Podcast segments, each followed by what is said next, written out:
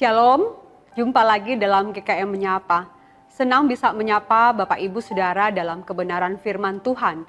Bapak Ibu Saudara, kalau ada dua benda, kaos kaki dan sepatu, manakah kedua benda ini yang lebih populer, yang lebih mudah untuk kita lihat dan amati? Tentu kita akan memilih sepatu. Kaos kaki sendiri sering kali tidak dipandang.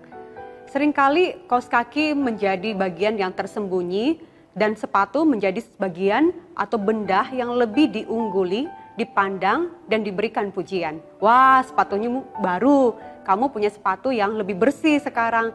Tetapi kaos kaki sering kali tidak mendapatkan pujian. Bapak Ibu Saudara dalam kasih Tuhan, padahal kaos kaki itu punya fungsi yang penting. Tanpa kaos kaki kita punya kaki bisa lecet, kita bisa saja dalam keadaan yang tidak nyaman ketika berjalan.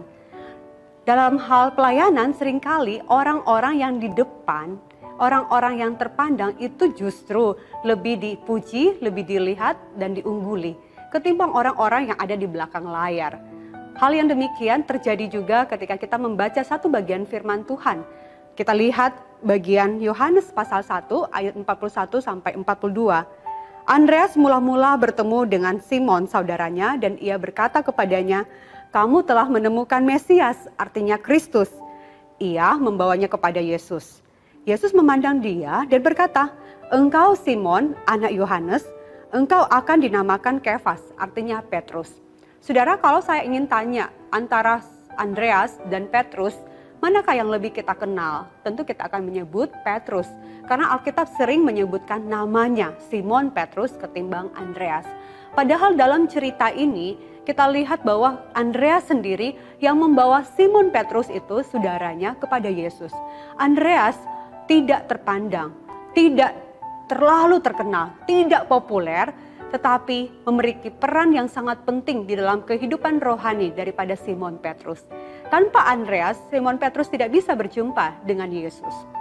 Saudara yang kasih Tuhan, sering kali kita melihat yang apa yang di depan mata yang lebih bisa berbicara, yang lebih bisa berkuasa dengan kata-katanya, dengan powernya, memimpin sebuah jemaat.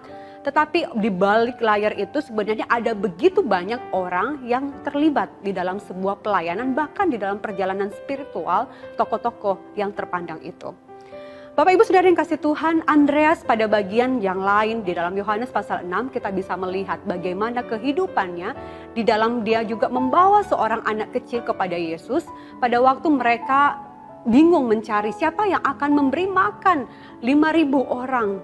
Filipus berkata kita tidak mampu untuk memberi mereka makan, tetapi Andreas membawa seorang anak kecil yang memiliki lima roti dan dua ikan.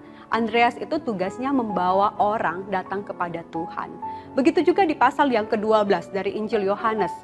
Andreas juga membawa orang-orang Yunani yang diperkenalkan oleh Filipus dan Andreas membawa itu kepada Yesus. Jadi Andreas di belakang layar tetapi dia memainkan peran yang sangat penting membawa jiwa datang kepada Kristus. Saudara jangan merasa kecil hati kalau saudara banyak melakukan pelayanan itu di belakang layar.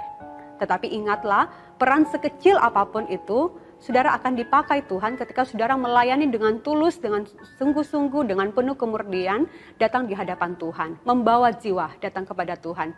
Mungkin saudara dengan orang yang saudara ajak ke gereja, saudara beritakan Injil, orang itu akan menjadi pemimpin gereja, orang itu akan lebih terpandang, akan lebih populer ketimbang saudara. Tapi saudara sudah membawa jiwa kepada Tuhan. Maka lakukanlah bagian saudara dengan setia, walaupun tidak terpandang. Tuhan Yesus memberkati.